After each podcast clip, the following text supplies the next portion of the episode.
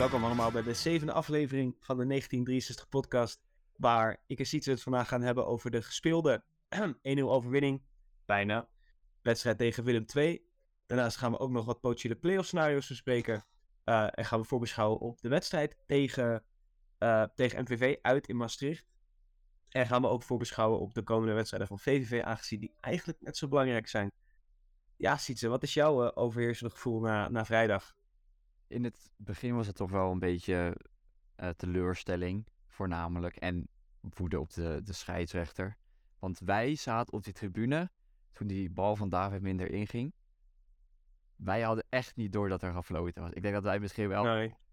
30 seconden hebben staan juichen. Ja, ik, ik, sprong, ik sprong in Daniels armen, maat. Ik werd helemaal gek. Wij stonden alleen maar, we konden elkaar aankijken. We hebben niet naar het veld gekeken. En voor mij waren wij de laatste ja. in het hele stadion die door had dat het geen goal was. En dus ja, ik 30 minuten staan, 30 minuten, 30 seconden ongeveer, echt staan springen.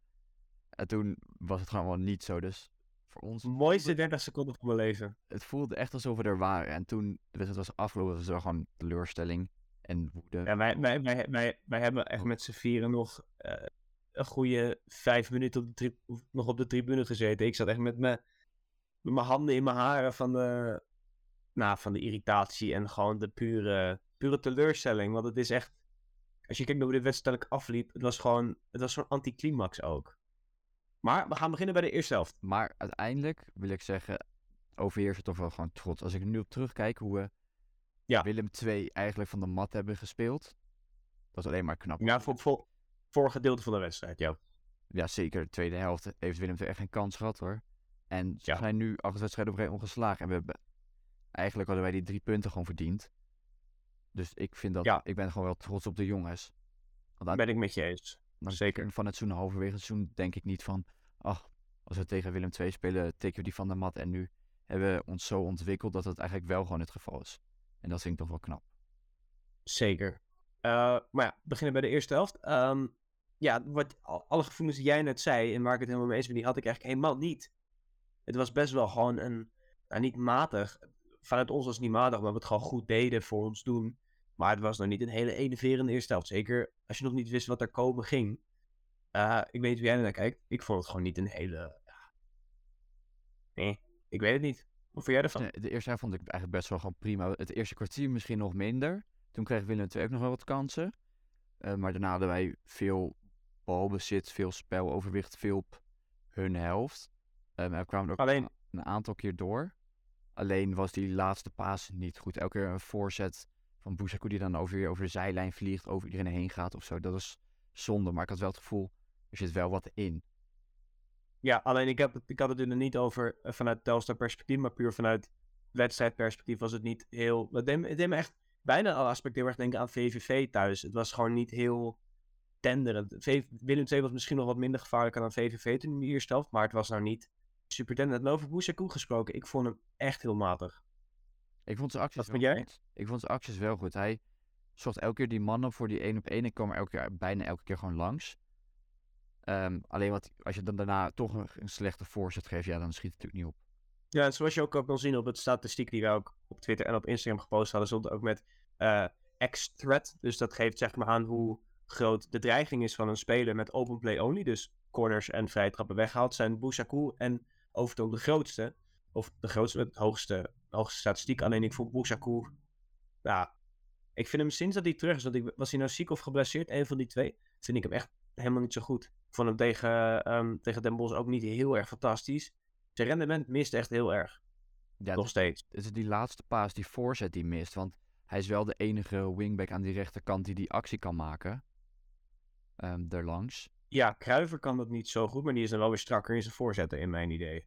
Ja, maar als je er niet langs komt dan, of minder er langs, op, klopt, klopt. te geven. Ja, dat is misschien iets volgend jaar. Een betere... Dat klopt. Dat is betere, ook een jongen die er pas net in... Ja. Uh, maar ja, toen gingen we rusten. Ja, we kwamen gewoon ontzettend goed de rust uit. Heel goed. Het was eigenlijk vanaf begin tweede helft vond ik het best wel...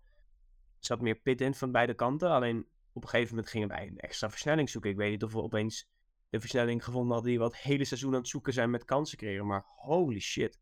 Dat mag ik wel hardop zeggen, denk ik. Wat een. Dat was de laatste 20 minuten, denk ik. De laatste 20, 35 Ja. minuten of 20, 25 minuten dat we echt begonnen te jagen. Het was dat laatste kwartier dat we echt al die kansen Zo. kregen. Maar daarvoor zat die spirit er ook al in. Ehm, en dat was echt fantastisch om te zien. Maar dan moet ik eigenlijk wel even dan dat we niet ehm, te laat die. Dat, dat, dat hebben we ingezet. Hadden we niet eigenlijk vanaf minuut 1 Willem II zo onder druk moeten zijn? Hadden we misschien niet wat aanvallender moeten beginnen aan de wedstrijd? En voor de opstelling, dat, dat hadden we nog niet gezegd. We waren weer met dezelfde elf begonnen als de afgelopen twee wedstrijden. Ik denk dat het Ehm, een prima keuze was om zo te beginnen. Want je weet ook niet hoe goed Willem II is. Stel, Willem II heeft ook een goede Ja. dag en je staat daar met je aanvallende team. Dan sta je binnen 10 minuten misschien al 2-0 achter. Dus ik vind het op Maar zich prima om zo te beginnen. had je er niet op basis van de rust misschien al Buffon erin moeten halen voor een middenvelder? Misschien Benzabou eruit, Buffon erin? Dat je gewoon zoiets, zoiets had gedaan? Want ik vond misschien nu dat, de, dat als je kijkt hoe goed we aan het- gingen voetballen aan het einde, met die aanvallende wissels, gaat mijn brein toch denken, hadden we dat niet eerder moeten doen? Ja, had gekund. Ja, ik weet niet of het dan hetzelfde resultaat zou opleveren. Want stel je komt in met 10 minuten, dan weet je, ik geef alles. Stel je komt in met de rust. Misschien ehm, neemt hij dan ook iets meer energie terug.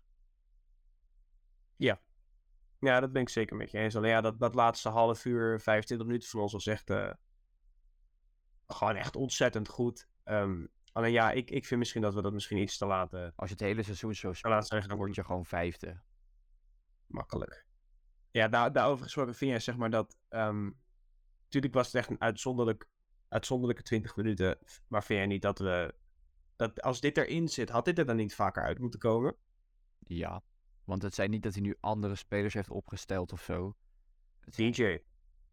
Die, Ja. die, die, die, die had het echt wel in eigen handen. Als je kijkt hoe vaak hij de bal kreeg en hoe vaak hij een mooie actie maakte. Hij zette die aanval op met het hakje van Min.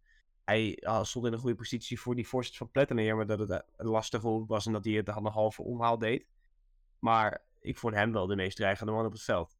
Ja, ik weet ook niet Vanaf dat punt. waardoor het komt dat het nu opeens wel zo is. Want dus, ja, misschien is het gewoon de ontwikkeling van een aantal spelers. Dat Turfkruijer die nu de laatste week zich heel goed ontwikkelt en Die zijn vorm weer terug heeft. Dat dat allemaal goed nu samenkomt op hetzelfde moment aan het eind van het seizoen. En dat dat gewoon eerder het seizoen miste. Misschien is het alles Ja. wat nu gewoon een beetje samenkomt en dat we daarom zo goed zijn. Zeker met je eens. Ben ik zeker met je het eens. is Zeker echt- omdat ook Turfkruijer zich echt super stormachtig ontwikkeld heeft. Ehm, ja, En het is zeker daarin. Een, een, ja. incident, zo'n wedstrijd. Het was in het begin van het seizoen tegen Roda thuis of tegen MVV thuis. Maar nu is het gewoon drie, vier wedstrijden op rij dat we gewoon veel creëren, eh, veel beter zijn Ja. dan de tegenstander. Dus nu is het wel gewoon echt gewoon het huidige spel, onze vorm. Het is niet meer een incident zoals eerder dit seizoen Alleen- is. Alleen dan hebben we het eigenlijk dus wel wat te laat ingezet. Ja. Maar we kunnen het ook positief kijken dat dit ook goed kan zijn voor volgend seizoen. Dat als we gaan hopelijk merendeel van deze jongens wel binnenhouden. En dan, ehm, Dat is al zo.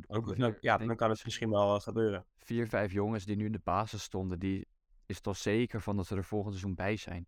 Dus het is Nou, komt de Apau, Boussakou, weet je, en zo. Dus het is wel een positieve ontwikkeling. Ook richting volgend seizoen. Dat ik denk, volgend seizoen. Ik wil niet zeggen play-off zekerheidje, maar als je dit zo ziet en je kan het doortrekken. Dat wordt dan wel een leuk seizoen. Ja, dat hoop ik. En ik heb ook eh, sowieso tot nu toe heel erg genoten van dit seizoen. Absoluut. Daarin, alleen ja, dan, dan, dan is ook wel mijn vraag. We hebben dan maar heel aanvallend gewisseld, maar uit- ik moet zeggen als ik het fout heb, volgens mij hebben we uiteindelijk maar twee keer gewisseld. Twee keer. Is dat niet te weinig?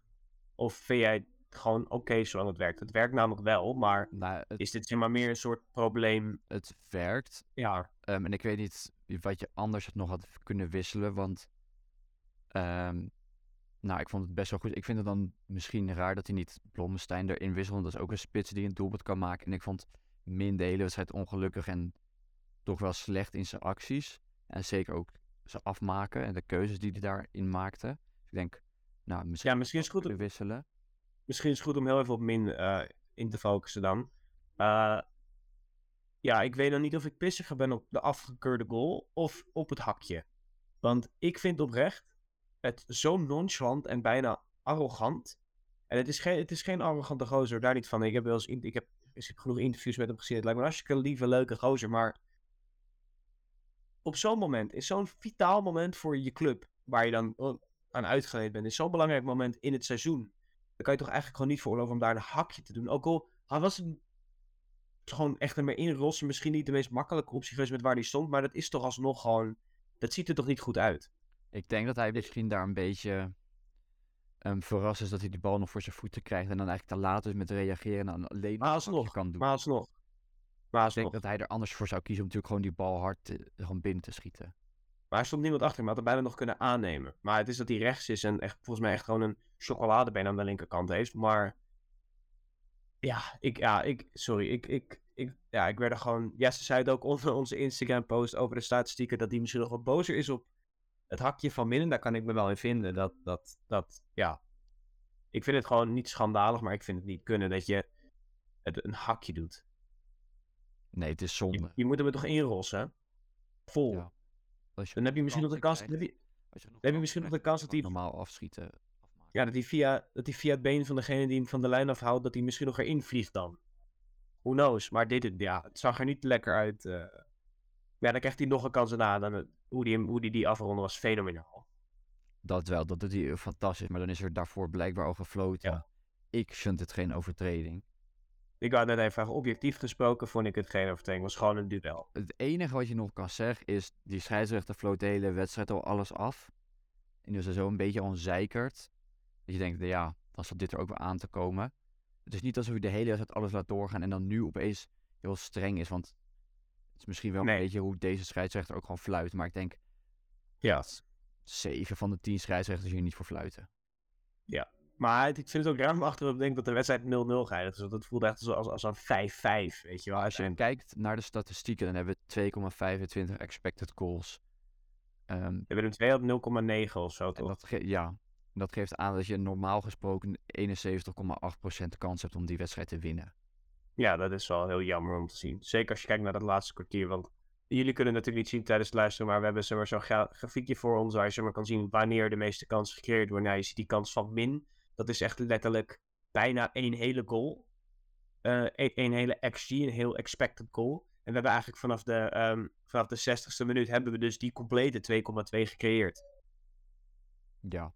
En dat is wel heel bizar. Maar uh, terug te komen op de wissels trouwens. Uh, wat ik misschien nog gedaan had, is Gius eruit halen en Seedorf in. Want uiteindelijk had hij een soort raar idee dat Gius dan aan de rechterkant ging spelen of DJ. En ja, dat ja, voor Gius is nou ook niet heel goed. Uh, 65 minuten of zo dat hij Pushaku eraf haalde, zoiets. Ja, 70, zoiets. Uh, ja, en dan speel je eigenlijk zonder rechtsback. Het was Apaudi wat iets meer naar de buitenkant ging. Ja, dus ze ging eigenlijk in een soort vier verdediger systeem spelen. Ja, maar zonder iemand die dan, uh, aan de rechterkant stond. Nou, dat is gewoon prima. Dat was wel aanvallen natuurlijk. En we speelden nu eigenlijk een soort van... Die laatste twee minuten speelden we eigenlijk met... Uh, Turfkruid dan steeds op zijn wingback manier. Maar aanvallend. En dan Turfkruid als een soort fullback. Zo stond het eigenlijk neer. Weet je, dat, dat, dat Apau wel echt naar de rechterkant ging. Maar Turfkruid bleef wel naar voren. Dus je had inderdaad wel een soort gat aan de rechterkant. Dat maar we wilden dat prima. Dat vind ik wel prima. Want we zeiden al vanaf de tribune vanaf minuut 60 of zo. Alles of niets. En ja, dit was wel alles of niets. Want aan aan één punt heb je eigenlijk nog net niks. Drie punten was wel heel lekker geweest. Dus ik vond het eigenlijk wel ja, gewisseld. Want je wisselt wel maar aanvallend genoeg, maar niet te aanvallend. Ja, maar ik weet dat wij niet echt de grootste Seedorf zijn, maar zijn invalbeurten zijn vaak wel degelijk. En hij heeft best een prima voorzetnuis. En als je kijkt naar de voorzetstatistiek van Gius is, daar zak ik mijn broek wel een beetje vanaf, man. Ja, maar dat... Jij hebt ze ook gezien, toch? Ja, maar, maar, maar, maar negen... kijkt... Je was nog negen voorzetten waarvan nul aangekomen zijn. Dan is het misschien toch wel, en dat natuurlijk heeft Snoei dat statistiekje niet, maar je kan wel zien dat Q's meer aan de rechterkant niet een heel handig idee is. Dan zou ik toch eerder Zeedorf in doen voor toch een soort betere kans op voorzet. Ik vond Gius nou ook niet echt een wereldwedstrijd spelen. Hij was zeker niet slecht. Uh, hij was gewoon prima, maar ik vond hem ook niet fantastisch of zo. Nee, ja, ik weet het niet waarom. Dus dat was, dat was wel een wissel die erin had kunnen komen. En voor de rest ben ik met je eens dat als de selectie fit is en er geen, hè, geen blessures zijn, dan is het prima om jongens zoals Turfkruiden in te laten. Natuurlijk hou je Ouder in, zoals het hele seizoen. Ouder Kotten prima, Actas prima, dus ook geen nut om daarin te wisselen. Maar... maar zijn we dus zo fit dat er gewoon nauwelijks gewisseld hoeft te worden? Want aan het einde was nou, ja, Benza er wel doorheen zat, dat zag je echt wel. Die werd echt gewisseld omdat hij echt niet meer kon. Maar voor de rest zag ik niet iemand dat ik denk, die kan geen sprintje meer trekken. We zagen allemaal echt nog best wel fitter uit aan het einde. En bij Willem II zag je toch wel vermoeidheid er doorheen komen. Zijn we dan gewoon echt zo fit dat we niet hoeven te wisselen? Of zijn onze wissels gewoon niet goed genoeg? Ik denk dat we meer ook niet een heel actieve vorm van voetbal spelen. We hebben best wel een hangende manier van voetbal spelen. Niet hele hoge druk. En niet heel hard drukken. Dus ik denk dat de mix van fitheid en onze manier van voetballen... dat dat wel zorgt dat we niet per se hoeven te wisselen. Maar ja, je hebt ook gewoon gasten... Overtoom rent niet veel. Die loopt vooral veel. Maar als hij aan de bal is, dan sprint hij wel. Maar het is niet alsof hij het hele middenveld heen en weer doet. Naya, we weten allemaal dat Naya zeg maar de soort de longen heeft van, van een man van 2 meter die ook 2 meter breed is. Die heeft een longcapaciteit van hier tot Tokio. En verder, ja, Turfka heeft ook de longcapaciteit van hier tot Tokio, naar mijn idee. Die blijft ook maar op en neer rennen de hele wedstrijd. Dus dat zijn eigenlijk jongens zoals Pousakou en Bensabou de enige die niet echt... Ja, maar het is ook niet gek als je er naar kijkt, want die hebben ook pas sinds een tijdje weer uh, hele wedstrijden gespeeld. Dat klopt, die zijn natuurlijk ook net terug. Van die blessures. Ja. ja, dat ben ik helemaal met je eens daarin, dat, dat die net terug zijn. Dus het is niet gek dat zij nog niet fit zijn, maar ja, Overtoom heeft niet een hele intensieve manier van voetballen zonder bal. En ik vond hem nou ja, het een beetje wel gelukkig. Hij had een paar keer dat hij, Weet je wel, ja. dat hij uh, uh, een dribbel maakte ja, naar twee, drie tegenstanders. Dat ik denk, normaal gesproken kapt hij hier terug en haalt hij de bal eruit. Maar nu was dat een beetje, nou deed hij dat niet. Weet ja, niet. ja, en ook als je bijvoorbeeld kijkt, ook als je bijvoorbeeld kijkt naar zijn touches. En normaal heeft hij, zit hij echt op, op, op, op 80 touches. Nu zat hij op hij er 70. Dus het was ook wel iets minder. Klopt ook wel als je kijkt naar het spelbeeld. Maar er ging heel veel via de vleugels, had ik het idee. Uh, en dan vaak vanaf de verdedigers naar de vleugels. Maar ik vond het overtoom ook niet. Ja, gewoon een oké okay wedstrijd, naar mijn, naar mijn mening. Het was niet slecht, maar het was nou niet alsof hij een. Uh... En bij die afgekeurde goal daarna kreeg Mike Snow nog die rode kaart. Ja. Hoe krijg Vind jij dat voor elkaar om weer geschorst te zijn? Leuk krijg je voor elkaar om twee keer geschorst te worden voor MVV? we, spelen, we spelen dus twee keer het seizoen tegen MVV, twee keer zonder Mike. Nice.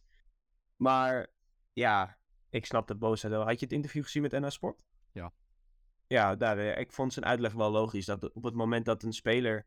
Hij, hij, had, hij had dus, voor de luisteraars, niet eens de rode kaart gehad... Um, voor de goal, ondanks die 25 meter het veld stond of zo. Hij had de rode kaart gekregen voor het feit dat hij heel boos werd op de scheids. Omdat er een speler, en ik ben het met hem eens, van Willem II een schouderduw kreeg. Was een schouderduw of iets. En ik vond het bijna hij ging, Ja, maar hij ging liggen alsof hij zijn hoofd geraakt. En de regel is, hoofdblessure, stoppen we het spel voor. Maar het was duidelijk, hè, vanaf de tribune dus en van, voor de scheidsrechter had het eigenlijk ook duidelijk moeten zijn. De speler zijn hoofdblessure fakte. Eigenlijk gewoon een gele kaart dus tijd rekken voor die 0-0. Ik weet ook niet waarom je tijd zou rekken voor die 0-0, maar anyway. Um, dus daar kreeg Mike Snoei dan een groot voor omdat hij daar heel pissig over was en terecht. Terecht dat hij zich pissig maakt of terecht dat hij een rode kaart krijgt? Alle, nee, terecht dat hij zich pissig maakt. Maar die rode kaart is misschien wel terecht, maar ik, ik ja, moet hij zich echt inhouden? Want het is ergens ook juist een, een ik vind het persoonlijk wel mooi om zijn passie te zien. Het geeft, het geeft wel aan dat hij er echt om geeft. Echt alles aan wil doen. En hij is ja. dat voorbeeld ook, of dat op zich wel een voorbeeld voor gewoon zijn spelers. Dat je echt alles moet geven. Want ik vind ook niet dat hij echt out of line gaat. Ik zie hem nooit de, de, de, de, de trainer van de tegenpartij bijna in elkaar timmeren. Ik zie hem nooit echt heel erg schelden tegen de vierde man. Het is... Wat hij roept natuurlijk. Dat heb ik niet gehoord. Als je... nee, maar ik heb, nee, maar ik heb hem dit seizoen nog niet in een, in een... Je ziet ook wel eens dat bijvoorbeeld... Je nog wat toegomt met Conte in de Premier League zulke dingen zie ik hem nooit doen. Maar je zou verwachten met zijn temperament en de manier hoe hij zich gedraagt, dat het misschien wel zou gebeuren. Ja, dus schiet af en toe wel eens uit zijn slof. Voor mij dit seizoen wat zeven gele kaarten en een rode. het zegt heel idioot. Dat is dat je zelfs Actas heeft minder kaarten, weet je. Het is... Normaal zie je dit alleen bij je laatste man of zo, maar het is gewoon... Misschien, misschien... Misschien moeten we snoeien bij de lijstje de meeste gele kaarten dit seizoen, Max. Alleen, alleen en Nadja heeft er meer, die heeft er nu acht. Ondanks dat hij die, die nu kreeg is ook raar. Want hij, daarvoor werd ja. een gevaarlijk spel op hem gemaakt. En dan maakt hij die tackle en dan krijgt hij de gele kaart. Die, die, die tackle moet hij ook niet maken, maar tackle, geen... dat is een gele kaart waard, misschien. Ja, maar hij daarvoor ook groot te worden. Ja, maar, vind je, maar wat vind jij dan van? Vind jij het echt idioot dat zoveel kaarten bakt? Of zeg maar, ja, dat ik, ja, ja, sommige van die kaarten denk ik ook van, goh, hou je in, want zo erg. Ja. Ik heb ook kaarten zien pakken in het vind ik van, jezus man kalm your dits, weet je, doe even rustig aan. Maar deze was wel terecht. Voor zijn woede was terecht. Ja, ik, 100%. Je bent ook een voorbeeld voor je spelers, maar op twee manieren. Want hij laat wel zien dat hij alles geeft. Maar je moet Ja. ook laten zien dat je jezelf een beetje onder controle moet houden. Want Ja, en van wat wij ik kunnen kan me zien, ook denk voorstellen dat je als speler nu denkt, ja, deze man neemt me niet meer serieus. Ja, maar op, op de manier hoe ik het zie en de manier van hoeveel wij kunnen meekrijgen, zie ik hem nooit op een fysieke of op een hele erg res- respectloze manier boos worden. Hij krijgt meer gele kaart omdat hij het veld instapt en omdat hij gewoon boos doet. Maar hij, het, is, het, gaat op, het is niet, gaat niet de grens over van echt Stel je voor, stel je voor je bent Koen Blommestein, je zit de hele wedstrijd op de bank. Het staat 0-0, je moet winnen, je mag niet eens warm lopen. En dan gaat jouw coach, die gaat dan zich zo debiel gedragen, die rent het veld in. En denk je toch ook van, nou deze clown neem ik niet meer serieus. Ik ben blij dat ik volgend seizoen weer terug mag naar Volendam. Ja, maar Koen is net door zijn vriendin serieus. Dat is toch al. Ja, dat klopt. Kijk, dat is de. Goed, maar Nee, maar ik weet zeggen, maar dat is een slecht voorbeeld, die is natuurlijk geleend. Maar ik denk, ik persoonlijk, stel je voor, ik ben die, die, die, die, die Zakaria, die wel eens op de bank zit bij ons, die van, eh, die van de onder 21. Ik zou niet denken, ik neem hem niet serieus wat ik clown. Ik zou eerder denken van, goh, redelijk temperament, maar wel mooi op de passie te zien. In, het- dat, dat zou mijn mening zijn. Iedereen heeft zijn eigen manier van dit soort dingen doen. Dus Louis is gewoon een heet hoofd. Ja, dat mag toch? ja, dat kun je wel zeggen, ja. Heet hoofd. Van mij apart mag dat. Ja. Maar ja, eh, niet alle kaarten zijn even slim, maar deze was wel, eh, deze was wel niet terecht dat hij hem gekregen had. Maar ik snap dat hij zover liet komen, in mijn ogen. Ja. Maar ja, uiteindelijk eh, bleef het dus 0-0. Na alle commotie, al het gedoe. En eh, ja, de kans is er nog. Maar hij begint nu wel heel erg klein te worden. En de man of the match Ja, mooi hoor. is geworden het hele fucking elftal! Laten we doorgaan naar de man of the match. Wie vond jij het beste op het veld vandaag? Of vandaag, afgelopen vrijdag? Ik ga, ik ga Pieter de Waard opvolgen. Het hele fucking elftal. Ik, ik zou niet echt iemand heel snel kunnen kiezen zoals, zoals een paar weken, zoals tegen VVV of voor- bijvoorbeeld tegen Den Bosch. Maar ja, jij eigen, ik, ik zou het eigenlijk echt niet weten zo direct. Ik vond twee mensen heel goed. Ik, Koeman werd verkozen tot man of the match. Nou ja, hij voor de derde week op rij de nul gehouden, wat echt heel erg knap is. Maar ik vond hem deze wedstrijd niet bijzonder. Hij was gewoon prima, toch? Hij was prima, was niet maar ik- hij was niet mijn man of the match. Ik vond twee mensen die heel erg uitspringen. En dat was Nadja, die won elke tweede bal op dat middenveld. Hij was zo fantastisch goed. Weer echt klassiek stofzuigen. Er is geen kunstgraskorrel meer op dat veld met deze stofzuiger. En ten tweede, Klassieke naaien.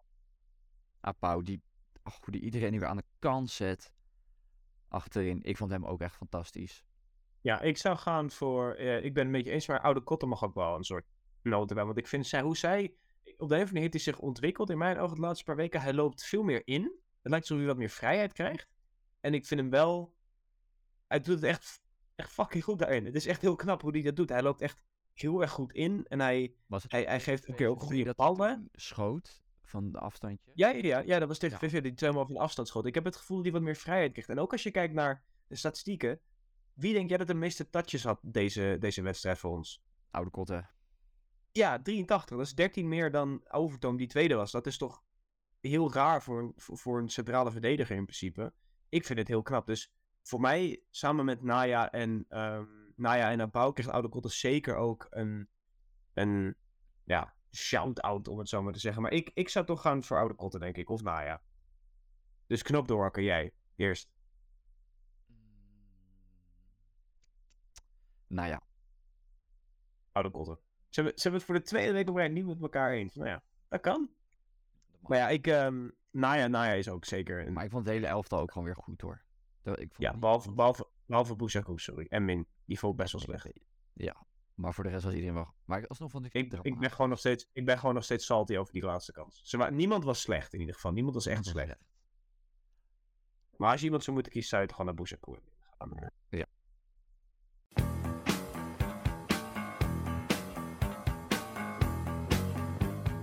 Laten we dan doorgaan naar een aantal vragen die we hebben gekregen via Twitter. Ze gaan onder andere over de playoff mogelijkheden die er misschien nog zijn. Ehm, de eerste vraag komt van Robert. En dat is, kunnen jullie de playoff scenario's VVV en MVV bespreken? En Jarno, zou jij misschien het MVV scenario willen bespreken? Zeker weten. Nou ja, NVV staat zes punten boven ons. Dat betekent dus dat enige manier hoe wij ze zouden kunnen verslaan is op doelsaldo. En dan moet NVV twee keer verliezen. Wat geen. Nee, het is geen heel slecht, heel slecht idee. Het is geen raar idee om dat te denken. Ze hebben namelijk de laatste twee wedstrijden verloren. Eentje van Jong AZ thuis, waar de wedstrijd nog gestaakt was. En uit tegen de Graafschap eh, afgelopen vrijdag. En ze moeten natuurlijk nog tegen ons deze vrijdag. En ze moeten nog tegen Almere City uit, wat ook een hm, lastige wedstrijd is. Dus verliezen is helemaal niet onmogelijk. Tweemaal voor hun. Maar dat betekent dus wel dat wij het doelsaldo van... ehm wij hebben het doelsaldo van min 13. Hun hebben het doelsaldo van 0, 63, 63. Prachtig getal. Uh, dus hun hebben het doelsaldo van 0 en wij van min 13. Dat betekent dus dat we op de een of andere manier 13 goals goed moeten gaan maken. Ik zie het niet gebeuren. We hebben natuurlijk een onderling duel. Ja, maar dan zouden wij dat onderling wel echt met maken, 60 dat telt dan dubbel in principe. Want Ja. Anders komt hij erbij bij en gaat hij eraf. Maar dan moeten we inderdaad zes maken of zo. En dit seizoen maken we er niet meer dan één. Ja. En stel je voor, wij zouden, wij zouden 1-0 winnen, of stel je voor, we zouden 2-0 winnen daar. Dan moeten zij alsnog echt 5-0 verliezen van Almere. We moeten er echt 3-0, 4-0 winnen van NAC. scoort ook niet heel veel, dus... En we, Nee, en ik- we wel zo goed als vergeten. Kunnen we dat zes stellen? Ja, dat wordt echt een freak scenario. Maar dan mag jij VV doen. Eentje die wel echt nog mogelijk is. Realistischer is inderdaad VVV. Die hebben 54 punten, wij 50. Dus die staan er vier boven ons. Op doelsaldo zie ik dat ook niet gebeuren. Want wij hebben min 13, zij hebben plus 4. Nou ja, dat En geen, onder, en, en geen onderling duel meer. en geen onderling duel meer inderdaad. Het enige voordeel is dus dat het maar 4 punten is en geen 6. En ze hebben een wedstrijd tegen de Graafschap. Nou, ik zie VVV daar niet winnen, want die zijn in dramatische vorm. De laatste keer dat die wonnen was het nog maart. Jesus. Ja. Dat zeg ik normaal. Ja, dat is zo heel... Die hebben sindsdien drie keer gelijk gespeeld en vier keer verloren. Ehm, dus die, moeten, die krijgen de graafschap op bezoek. Dus ik zie VVV daar niet winnen. Ehm, en dan op de laatste speelronde, dan moet die nog naar Jong FC Utrecht. Ehm, maar ik zie wel een scenario waarin VVV maar één punt pakt uit de laatste twee. En als wij twee keer winnen, Ja, en- daar overheen. En dat sluit wel mooi aan met de, vraag, met de volgende vraag van typisch Telstar. Ehm, terugbrengen van de achterstand op VVV naar één punt komende speelronde is niet ondenkbaar. Hoe denkbaar is het echter dat Jong Utrecht VVV van de zege houdt op de laatste speeldag? Nou ja, in het ideale scenario verliest VVV dus van de graafschap thuis. Winnen wij uit bij MVV, dan zit er dus nog maar één punt tussen. Dan is het dus genoeg dat Jong Utrecht een, bui een buitenspel, een gelijkspel vasthoudt voor ons. Dan moeten wij natuurlijk wel winnen van NAC. Maar we moeten in elk scenario nog twee keer winnen. Ehm, en dan kunnen we het nog halen. De enige va- houvast die we echt hebben in dat scenario is dat VVV hun vorm echt gewoon nog erger dan die van Helmond en Os is. En ik maak niet eens een grapje als ik dat zeg, het is echt zo. Het is nog erger dan de vorm van Den Bosch, FC, of uh, en Helmond. Dus als je, daar, als je er zo naar kijkt, zie ik het wel gebeuren. En zeker met de druk die er komt, bij komt kijken. We zijn natuurlijk ook bij Utrecht uit geweest. Het veld is echt dramatisch. Sunday League in Engeland is er niks bij. Ehm, dus ja, in dat opzicht zie ik nog wel wat dingen gebeuren. Maar hoe denkbaar is het echt? Nou, VVV die natuurlijk in de derde periode al lang dacht dat ze veilig zouden zijn. Voor mij stonden ze op een gegeven moment vierde of vijfde of zo. Die denken, nou, dit komt wel goed. En daarna ja, zijn ze gewoon gestopt met winnen. Pakken ze geen punten meer. En is dan op die allerlaatste speeldag. Je moet naar Utrecht. En de druk staat erop, want Telstar hijgt in je nek. Ja, er zijn wel gekkere dingen gebeurd. Maar het enige waar ik me nog wel zorgen om maak is dat ehm, Jong Utrecht echt een hele minimalistische sfeer is. Dus ik vraag me af hoeveel de druk daadwerkelijk er is. Het voelt namelijk zo als een klein amateur zijn dat ik me afvraag hoeveel druk VVV daadwerkelijk kan ervaren. Snap je wat ik bedoel? Ik snap wat je bedoelt. Als je nou in, een, als je nou in het Radverlegstadion staat en je moet winnen om de play-offs en je hebt een hele gele muur aan NAC-supporters die tegen je aan het juichen is, is er nog iets van een soort druk wat erbij komt kijken. Maar ik vraag me af of dat nu echt heel veel uitmaakt. Het enige waar ik me dus aan vast kan houden is hoe slecht de vorm van VVV is. En als ze echt verliezen bij de graafschap, ja, dan zie ik het wel somber in. Laten we daar natuurlijk net Ja. voor uitlopen. Want we moeten eerst zelf nog winnen bij NVV. Zeker, zeker, Dan zeker. de kans dat VVV thuis wint van de Graafschap is 35% In ieder geval, zo wordt hij van tevoren geschat. De kans dat de Graafschap wint is 47. Ja, maar ik zie de graafschap wel Het is, het is in ieder geval reëel. Het is ook zeker reëel dat wij kunnen winnen van MVV en NAC. Zeker in de vorm waarin we nu zitten. 100%. Zeker. Zeker als je kijkt, MV MVV heeft in principe eh, de play-offs eigenlijk al. Als we, als we de play-offs halen, dan winnen we hem ook. Wat? Zei je dat nou echt hardop? Ja. Je denkt, je- maar jij bent er niet, hè? je bent op vakantie. Hey, dat zou wel een heel bizar verhaal zijn. Maar toen ik die vakantie boekte, toen stonden we echt elfde met acht punten achter. Of zo, toen sloeg het echt Ja, op. bijvoorbeeld. Maar voorlopig staan we nog steeds vier punten achter en moet VVV maar eerst eens zien te verliezen opnieuw. Ja. Maar dan door naar, ehm, naar wat nieuws. Het enige, het, enige, het enige kleine wat ik nog wil zeggen. De laatste keer, de laatste twee keer dat VVV gelijk speelde, verloren ze twee keer daarna. En nu hebben ze weer gelijk gespeeld. Oeh, dus met een beetje geluk spelen ze gelijk en verliezen ze. Twee keer. Dan verliezen ze twee keer als het patroon vast. Dat zou, dat zou wel ideaal zijn. Ja, maar wij moeten twee keer winnen, dat is het belangrijkste. Dat is het belangrijkste. Maar dan door naar wat nieuws. Het nieuws was al van de week een beetje gesproken op Twitter. Maar eh grootste kans hebben voor de algemeen directeurpositie en momenteel commercieel directeur Natasja van Ginsten vertrekt naar een andere club aan het einde van het seizoen. Eh, ja, dat is toch wel een beetje, ja, maar het op gewoon kut. Aangezien ze namelijk geen niet ontslagen is, maar ze heeft zelf ontslag genomen. Eh, en ja, als dat je grootste kans hebben is voor algemeen directeur, dan neem ik aan dat we daar misschien al een beetje op ingezet hadden. Uh, dus ja, ik ben nieuwsgierig wat dat gaat betekenen voor uh, de algemeen directeurpositie. En we benoemen nu dus ook nog een nieuwe commercieel directeur. Uh, Is het niet het geval dat zij algemeen directeur wil worden en dat dat niet gelukt is en dat ze toen zegt, nou oké, dan ga ik weg? dat, is, dat is ook mijn idee, dat het misschien vastgelopen is, want de, de, de, het geluid van de club was al een paar maanden geleden, of ja, eigenlijk, ja, eigenlijk al een paar maanden geleden, dat zij waarschijnlijk uh, algemeen directeur zou worden. Uh, maar ja, misschien dat ze vastgelopen zijn in de onderhandeling of dat de club iemand beter heeft gevonden. Dat ze zei van als ik dat niet doe, dan doe ik niks hier. Dat is de beste optie voor ons. Maar het zou natuurlijk vervelend zijn als we wel redelijk ver een algemeen directeur uh, onderhandelingen met haar waren. Dat ze uiteindelijk zeggen van hé, hey, ik heb een betere optie gevonden. Dus ja, we gaan het zien. Ik heb, ik ben in ieder geval nieuwsgierig. Wat denk jij ervan? Ja, het is natuurlijk jammer dat ze weggaan, want ja, ik weet niet precies wat ze dan doet. Ik zou niet dingen op kunnen noemen dat ik zeg, als zij is daar verantwoordelijk voor geweest. Maar ik denk dat ze wel gewoon belangrijk was binnen de organisatie. En zeker als ook vertrekt naar een andere club, dan zal ze dus wel een positieve indruk hebben achtergelaten. Ja, precies. Dat is ook een beetje mijn, uh, mijn idee. Dus dat is dan toch jammer. Nu moet je weer op zoek naar nog iemand voor topmanagement. Uh, ja, en dat, zeker waar. En dan heb je toch toch twee posities die... Makkelijk, die, die liggen niet op straat of zo, die even op kan halen. Ja, die liggen niet als een uh, centrale verdediger. Ja, zeker. Iets... Bij Telstar wil je toch een bepaald profiel hebben en een bepaalde soort mensen nemen we hier aan. Dus ja, dat is toch wel moeilijk om te vinden, denk ik. Zeker, helemaal met je eens. Dan gaan we door naar de jeugd. De onder 21 heeft met 3-3 uh, gelijk gespeeld tegen Dordrecht. Die hebben dus geen revanche gekregen na vorige week. Um, wat toch jammer is. En hiermee is de titel eigenlijk ook wel buiten zicht. Volgende week staat nog wel de wedstrijd tegen VVV op het programma. Thuis. En weer minuten voor, um, voor, uh, voor Mulder en Madi. Wat wel logisch is. Maar ja, ik begin nu toch wel een beetje te twijfelen of Mulder niet helemaal gewoon gedegradeerd is naar het tweede elftal. Ik hoop het in ieder geval niet. En de onder 18 had met 1-3 gewonnen bij Hollandia. En dan nu door naar de vrouwen. Aangezien het seizoen van de vrouwen-eredivisie uh, van het weekend afgelopen is, waar Telstar jammer genoeg met het doelsaldo van min 47 uh, tiende is geworden. Ja, niet echt wat anders, uh, wat anders verwacht, denk ik, of wel? Nee, ik had niet heel veel anders verwacht. Tiende, het zou van ja. tiende, dat is mooi, alleen de, de nummer 11 mee. Dus dat is een beetje jammer.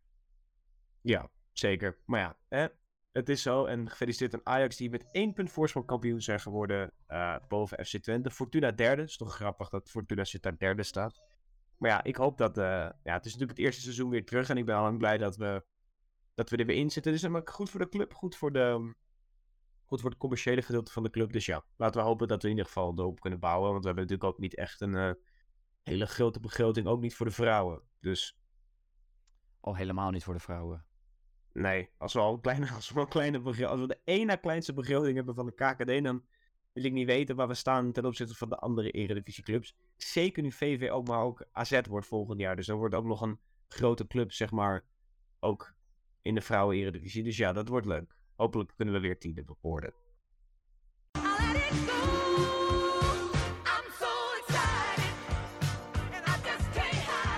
Laten we dan doorgaan naar de voorbeschouwing op de ene laatste wedstrijd van het seizoen. Dat is tegen MVV. Ze hebben nu twee keer op rij verloren. Ehm, zoals je eerder al zei tegen Jong AZ met 1-3 en uit bij de Graafschap hebben ze met 2-1 verloren. Ehm, daarvoor hebben ze dan wel weer vier keer op rij gewonnen. Maar dat was ook niet tegen de grootste tegenstanders. Ja, er zat dan wel jong PSV. Ja, er zat alleen PSV, Dordrecht en Helmond tussen. Dus dat is niet. eh, ja. Ehm, nou ja, MVV doet het leuk dit seizoen, vind ik. Ehm, toch eigenlijk wel de verrassing van dit seizoen. Zeker, 100%. Van tevoren, Zeker als je nou, kijkt. ik had ze bij de onderste vijf geschat eigenlijk. Ja, zeker als je kijkt naar, ehm, naar begroting, et cetera. Net als wij, ze doen het echt fantastisch. Zeker het eerste, eerste seizoen zelf doen ze het echt fantastisch. Verloor- Hadden ze een beetje vorm kwijtgeraakt begin tweede seizoen zelf. Maar sindsdien hebben ze zichzelf prima herpakt. En lijken ze, lijken ze op weg naar de play-offs. Moet wel heel gek lopen. Verder heb je nog wel jongens als Ruben, Ruben van Bommel. Die eigenlijk nu al, eh, nu al eh, interesse wekt van de top 3 in Nederland. Wat echt ongekend is voor het MVV-speler. Of MVV Helmond Den Bosch. Dat soort clubs. Spelers die te spelen worden nooit zo gelikt met, met grote clubs. Maar is KKD-clubs. Voor elke club in de KKD. überhaupt, ja. Dan moet je nagaan voor onderste regio. Dus het is heel bijzonder. Het is ook een hele goede voetballer. Andere spelers waarop we kunnen letten zijn Mathies, keeper. Die deed het in de, de, de thuiswedstrijd eigenlijk ontzettend goed. Hun beste man, misschien wel ondanks dat hij er vijf tegen kreeg. Ehm, want we wonnen natuurlijk eerder dit seizoen met 5-3. De enige Wat een wel hebben gescoord zo'n beetje. Het Oh, daar was je natuurlijk niet bij, hè? Oh, daar was je natuurlijk niet bij. Nee. Sorry. Moest het even doen. Wat was dat leuk zeg. Toen scoorde Rijn Smit wel. Zijn enige wedstrijd dit seizoen dat hij heeft gescoord. En wel gelijk drie. En wel gelijk drie. Als je dat weer kan herhalen. Dikke prima. Ehm, voor Ben de rest, middenvelders hebben ze Blummel en Steukers. Die zijn wel redelijk. Ehm dat is een leuke ploeg. Veel voetbal zit erin. 63 goals voor en tegen. Ze zijn vooral gevaarlijk in de omschakeling op snelheid. Ze counteren iedereen er wel eigenlijk uit. Ja, en het is ook zeker een ploeg die nooit opgeeft. eh, zoals je ook kon zien toen bij ons in de thuiswedstrijd. Toen ze bijna nog terugkwamen van een 4 in achterstand. Het is een weerbare ploeg die Thuis goed is in... Ze 2-0 achter hebben ze 3-2 gewonnen. Ja, wat echt bizar knap is van eh, tegen een club zoals PEC. Het is nog, iets, het is nog knapper natuurlijk tegen PEC dan, dan tegen een club zoals ons. Maar het is een club, het is een club en een ploeg die nooit opgeeft. Die inderdaad gewoon prima voetballen. En het is, de play-offs is ze gegund. Alleen hoop ik wel dat ze keihard verliezen eh, aankomende vrijdag. Wij zullen er trouwens hier mag nog niet bij zijn. Want eh, Ik heb geen het fietsen is voor... Ja, het fietsen... Nee, je krijgt een fiets, maar alsnog. Het fietsen is voor pas vanaf, de, pas vanaf je 24ste. En ehm, ja, auto wordt er niet. En je mag ook niet met OV komen. Dus dat is, dat is jammer. Maar we zullen zeker z- proberen zoveel mogelijk van de wedstrijd mee te krijgen. En ja, wel, voorspelling?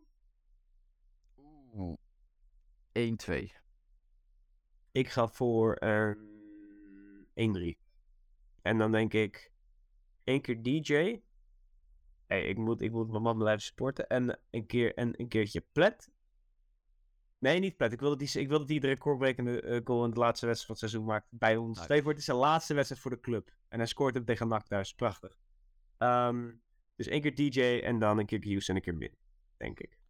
Maar we komen wel 1-0 Ik achter. denk twee keer min. En een eigen goal Oeh. van Actas.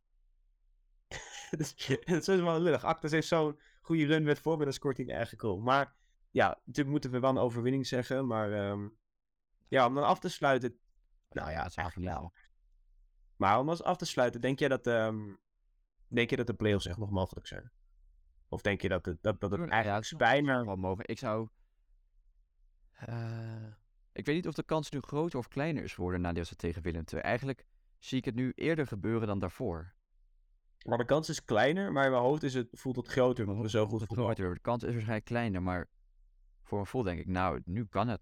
Ja, het kan nog wel. Ik zie het nu eerder gebeuren dan daarvoor.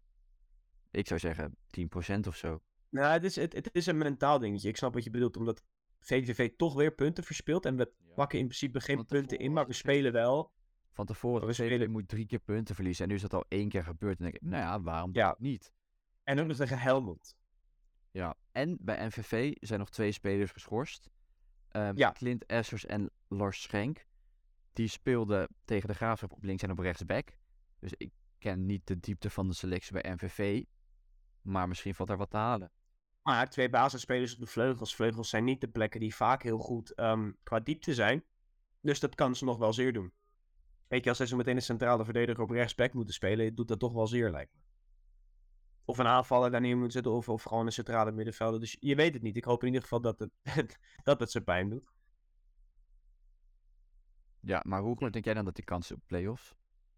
Ehm, ja, ik sluit me eigenlijk echt volledig aan wat, wat jij zegt op basis van dat mentale stukje, maar toch. Ja, toch, het lijkt me echt onmogelijk dat, dat, dat VVV dan echt gaat verliezen van Jong Utrecht. Dus als ze verliezen van de graafschap, dan zie ik het echt best wel rooskleurig voor me. Als wij dan wel winnen van MVV natuurlijk. Maar ja, eh, als we nog kans hebben, dan wordt NAC thuis echt eh, Zo, het nog erger qua zenuwen. koken in het Buco Stadion. Oh, het, ik vond het sfeertje tegen Willem II al leuk. Dat ik mooi sfeertje. Het sfeertje was zo goed. Het voelde echt Ach. als een play-offs wedstrijd, die wedstrijd tegen Ja. Willem 2. Het Maar er was toch qua niveau. Lekker. Ik zat daar met mijn zonnebrilletje. Lekker warm weertje. En het voetbal was goed. En het voelde echt als een play-offs avond. Alleen was het het ja niet. Maar hopelijk, komt er nog. hopelijk komen die er nog. Hopelijk, dat komt allemaal vast wel. Hopelijk hebben we nog vier thuiswedstrijden dit seizoen. Fingers crossed. Dat zou super gaaf zijn. Nee, we hebben... Oh ja, 4 weer gelijk. Bedankt voor het luisteren allemaal naar deze nieuwe aflevering. Ehm volg ons op Instagram en op Twitter. En tot volgende week.